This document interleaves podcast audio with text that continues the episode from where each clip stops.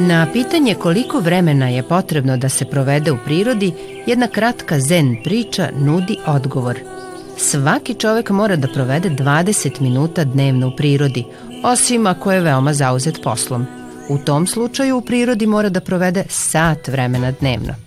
Prirodnina u današnjoj epizodi podsjeća zašto je to tako –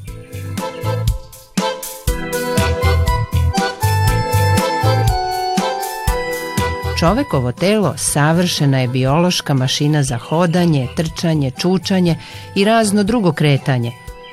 Meni su se samo ovako sve kockice u glavi složile. Tamjan zapravo predstavlja odličan način da se osveži životni prostor u svakodnevnom životu. Muzika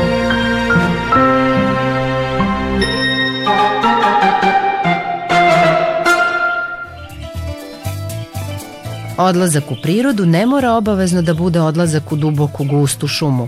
Dovoljno je da se čovek prošeta do obližnjeg parka, reke ili jezera. Čovekovo telo savršena je biološka mašina za hodanje, trčanje, čučanje i razno drugo kretanje, a ono što mu najmanje prija je dugotrajno sedenje – Kiseonik kojeg u prirodnom okruženju ima mnogo više nego među gradskim soliterima, u većim količinama ulazi u pluća kada se zbog kretanja malo brže i dublje diše. Dodatno zadovoljstvo osetit će svako ko se prošeta pored nekog izvora ili još bolje ukoliko se nađe pored vodopada – Tom prilikom bilo bi dobro sa sobom poneti vode sa tog izvora i tako produžiti blagodati koje će organizam dobiti što od šetnje, što od sveže izvorske vode –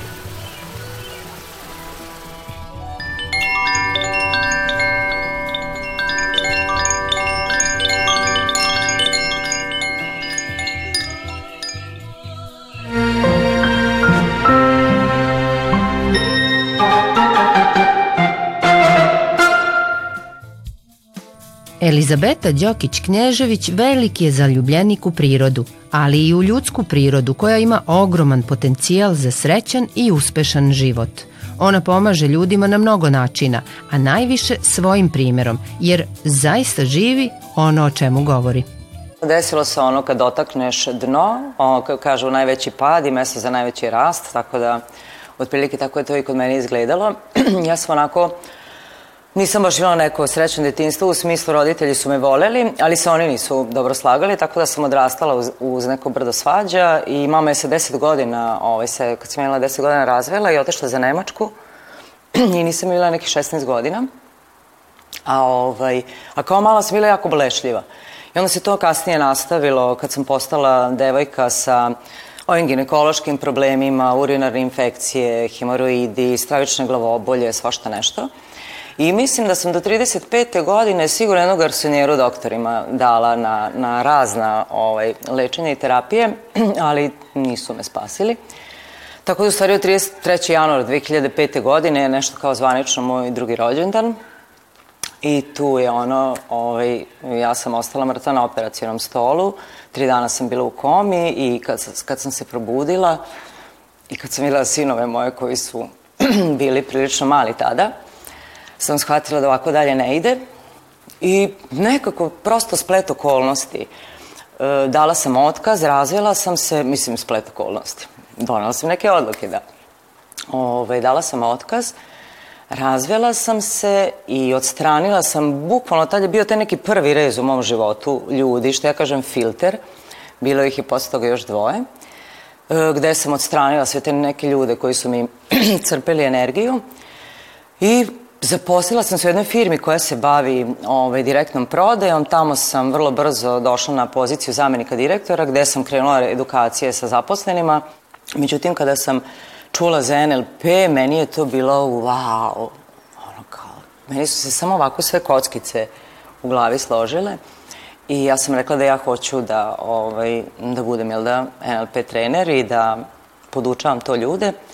Tako da eto, sa 45 godina sam rešila promenim profesiju, ali sav taj rad e, mentalni je uticao na promenu mojih navika, na promenu mog, mog okruženja, mog ponašanja, znači bukvalno po čitavoj liniji neurolingvističkih nivoa od čega je da, sastavljena naša ličnost, sam promenila sve. I tako da danas, ovaj, sa 50 godina, kojih baš onako e, ponosno nosim, E, mogu da kažem da 10 godina nisam popila ni jednu tabletu, čak ni za glavu, a imala sam stravične zaista glavobolje, da ovaj, e, treniram, e, takmičim se, trčim polumaratone, trčim trail trke. Znači danas potpuno zdrava, stabilna, mentalno, fizički, sa divnim odnosima, sa sinovima koje sam izgradila na dva velika sina – ovaj, zaista u, u kući u kojoj vlada ljubav, harmonija, razumevanje, razgovor, smeh. Imamo dva labradora. I ovaj, tako da, eto, suštinski 15 godina je trajao. Mislim, 15 godina je do danas, od tog dana. Ali ove ovaj, prve neke promene su krenule već posle 4-5 godina, pa posle 7-8. Tako da, eto, mogu da kažem da poslednje 3 godine ako živim u raju. Ali bukvalno.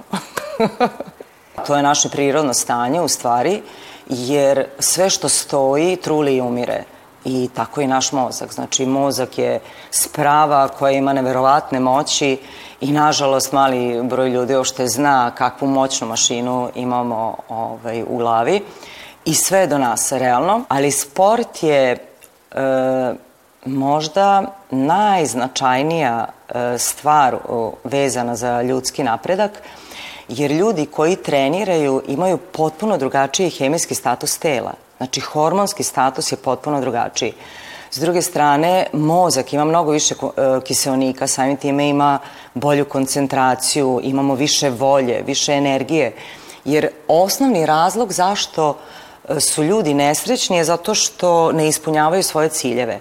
A ne ispunjavaju ih zato što nemaju volje i energije da to sprovedu, jer eh, jel da, kad god nešto želimo, moramo da izađemo iz nekih uobičajenih e, koraka.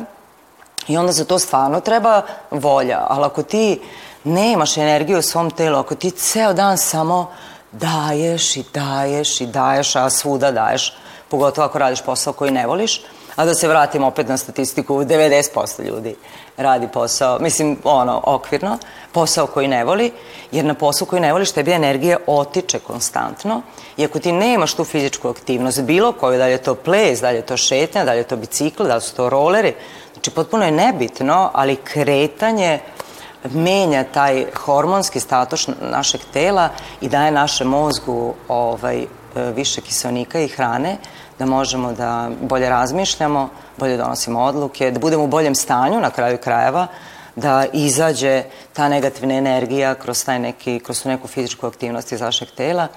Tako da sport, e, ja svim mojim klijentima dok završe sa mnom moraju da krenu da treniraju.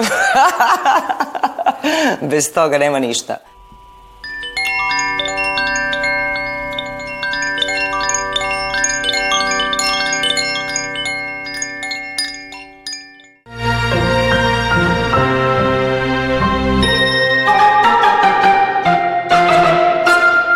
svako jutro kada ustanem, to radim posljednje četiri godine, zapišem tri stvari na kojima sam zahvalna. Zašto je ovo nešto što je promenilo moj život i zašto preporučujem? Zato što je zahvalnost u našem telu pre svega e, menja tu našu vibraciju, koju mi imamo frekvenciju jednu određenu gde dalje privlačimo neke lepše stvari u svoj život, a s druge strane ona nam prebacuje fokus sa onoga šta nemamo, jer mi non stop razmišljamo šta nemamo, treba mi ovo, treba mi ono, ja nemam ovo, nemam ovo. A sve ono što imamo, imamo u nekom kontejneru ovde pored nas gde piše podrazumeva se i to nam je sve tu. E, ta zahvalnost je da tu jednu po jednu stvar, znači krov nad glavom, udoban krevet, topla kuća, klima, topla protočna voda, uh, dve noge, dve ruke, ne znam, dva oka, što živimo u miru, što živimo u jednom Hollywoodu od Novog Sada. Ovaj, Znači sve to što nam se podrazumeva da svaki dan pišemo i da gledamo da pišemo svaki dan tri neke različite i onda na taj način u stvari širimo tu percepciju u stvari toga koliko mi u stvari imamo. I onda sa tim razmišljanjima, pošto misli stvaraju emocije, to razmišljanje stvara opet tu zahvalnost koja ovaj, nanovo podiže tu frekvenciju i to je nešto što dugoročno zaista menja e, život iz korena i čak i u teškim situacijama e, nam je super da možemo da se izmestimo pa da budemo zahvalni što recimo nedavno je bio gubitak e, oca ovaj, kod mog rođaka i onda pošto i on u NLP-u i zna većinu stvari koje znam i ja I on je u stvari rekao koliko kad se izmestio, bilo mu jako teško, ali bio zahvalan zato što je uopšte imao takav odnos sa ocem koji većina ljudi nema. Tako da čak i u tim teškim situacijama taj istrenirani um da tražiš ono što je dobro i neku zahvalnost ti pomaže da brže preboliš ove, ovaj, te neke teške situacije.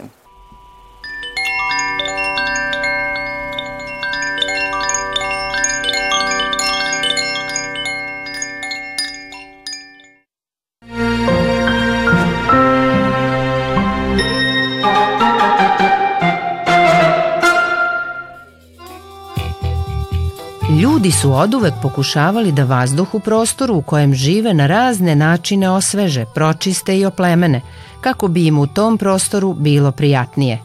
Ta potreba verovatno potiče još iz pećina, kada se živelo uz vatru, te se otkrilo da određene biljke daju poseban miris kada se zapale – U raznim krajevima sveta za osveženje i pročišćenje vazduha u prostoru koriste se različite biljke, a u našim krajevima koristi se tamjan, čije poreklo vodi sa Bliskog istoka.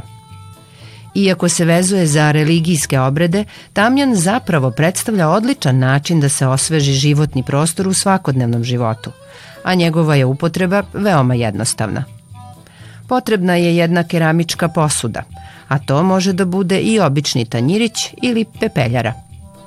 Komadići tamjana mogu biti od čistog, običnog tamjana ili ako neko voli dodatne mirise, postoji i tamjan umotan u prah različitih mirisa.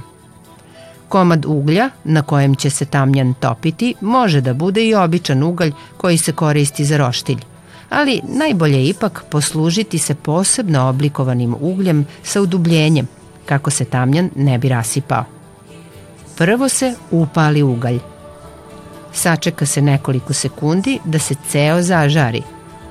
Tih nekoliko sekundi ugalj se dimi, pa bi paljenje trebalo uraditi na polju.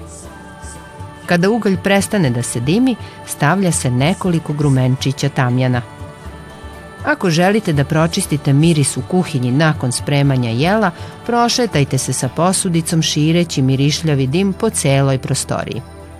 Kada tamjan potamni i prestane da se dimi, može se po potrebi dodati još tamjana, sve dok se ugalj žari i dok se sa posudom ne prođe kroz ceo prostor koji se želi osvežiti. Tamjan se pali uvek pored otvorenih prozora, najbolje u kući napraviti promaju – Miris tamjana brzo se izgubi, ali osjećaj čistoće i svežine ostaje još dugo nakon što se žar ugasi. Preporučuje se da se tamjanom prođe kroz kuću barem jednom tokom svakog godišnjeg doba.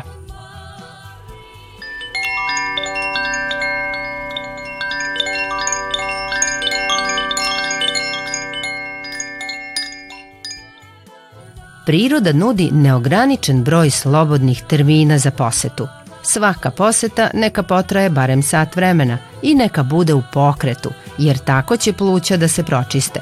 Misli će takođe da se pročiste ako se krećete i ako ste u prirodi.